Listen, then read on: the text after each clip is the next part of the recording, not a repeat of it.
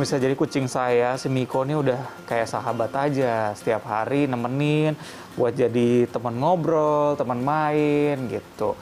Tapi saya juga jadi penasaran sebenarnya, kira-kira moodnya dia hari ini apa ya?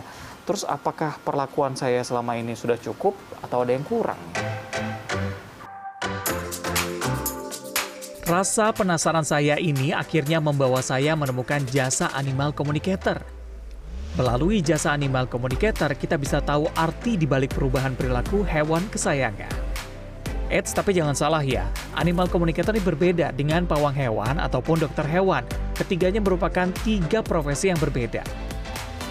Seorang animal communicator lebih menjembatani apa yang dirasakan dan yang ingin dikomunikasikan hewan kepada pemiliknya. Salah satu animal communicator di Indonesia, Jasmine Jawi, mengatakan bahwa setiap saat hewan peliharaan selalu mengekspresikan apa yang mereka rasakan kepada manusia.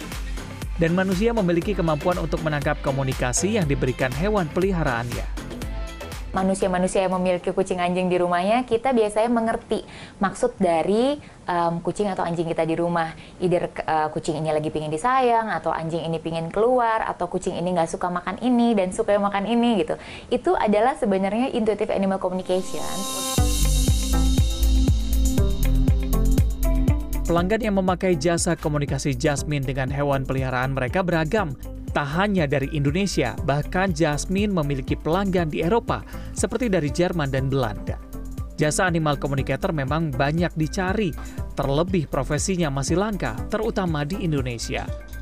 Tenang, tidak ada urusan kekuatan magis jika ingin menjadi seorang animal communicator. Logikanya taruh, intuitifnya yang dipakai terus-terusan, lalu terus um, percaya dan terus berlatih. Sebenarnya itu aja.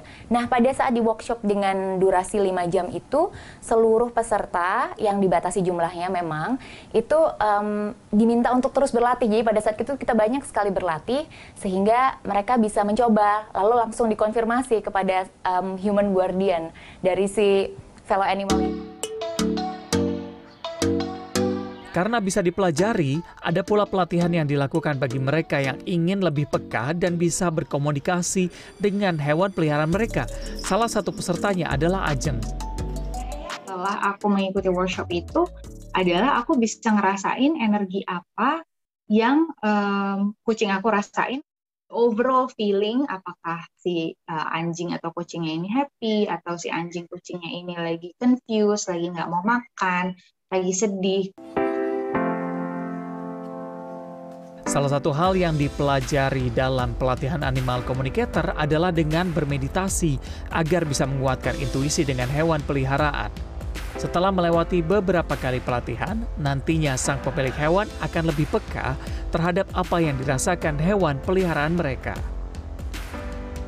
Wah, ternyata seru banget ya. Tadi kita sudah ngobrol-ngobrol dengan animal communicator. Saya juga jadi tahu nih ternyata kucing saya punya keluhan, katanya kurang diajak main. Dan juga dari obrolan tadi kita jadi tahu bahwa siapa pun bisa mempelajari cara berkomunikasi dengan hewan. Yang penting adalah konsisten, sayang dengan hewan dan juga mau belajar. Nah, ketika kita sudah bisa berkomunikasi, jadinya tahu nih memberikan apa yang terbaik bagi hewan peliharaan kita. Reza Helmi, Andriawan Saputra, Jakarta.